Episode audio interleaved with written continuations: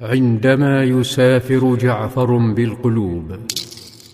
أصدر النجاشي أمره بإحضار المهاجرين ليستمع إلى مرافعتهم.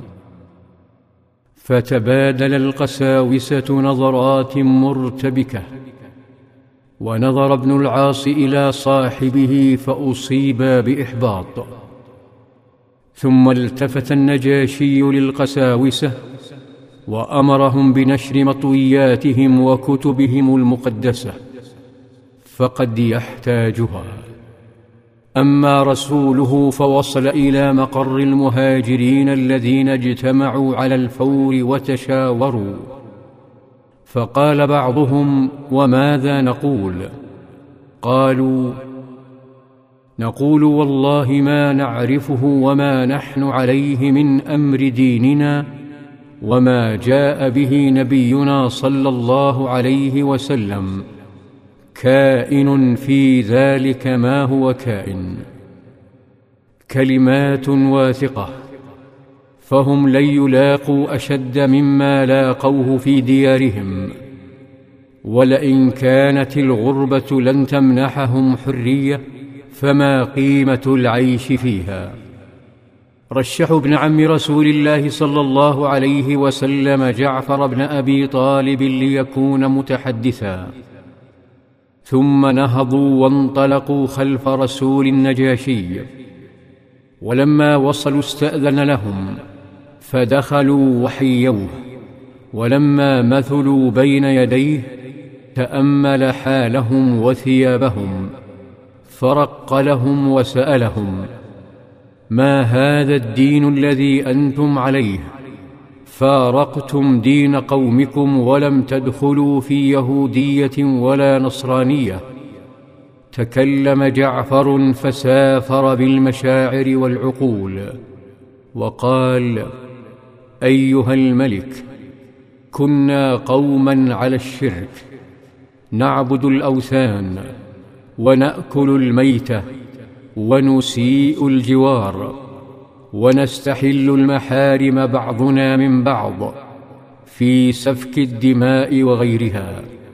لا نحل شيئا ولا نحرمه. فبعث الله إلينا نبيا من أنفسنا نعرف وفاءه وصدقه وأمانته. فدعانا إلى أن نعبد الله وحده لا شريك له ونصل الرحم. ونحسن الجوار ولا نعبد غيره. لم يستطع ابن العاص وصاحبه الرد أو التكذيب وادركا فشل رحلتهما.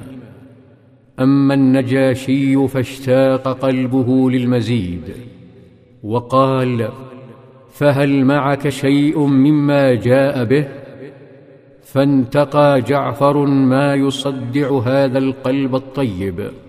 حيث قرأ صدرا من سورة مريم حتى مر على قوله تعالى فأشارت إليه قالوا كيف نكلم من كان في المهد صبيا؟ قال إني عبد الله آتاني الكتاب وجعلني نبيا وجعلني مباركا أينما كنت وأوصاني بالصلاة والزكاة ما دمت حيا. وبرا بوالدتي ولم يجعلني جبارا شقيا. والسلام علي يوم ولدت ويوم أموت ويوم أبعث حيا. ثم توقف جعفر. لكن رحلة النجاشي لم تتوقف. أخذته كلمات الله بعيدا حيث نبي الله عيسى ابن مريم. حين اتهموا أمه وطاردوه وعانى عليه السلام هو وأصحابه المرارة من قومهم فتداعت مشاعر النجاشي وسالت دموعه شوقا إلى أحبته. في ظلال السيرة.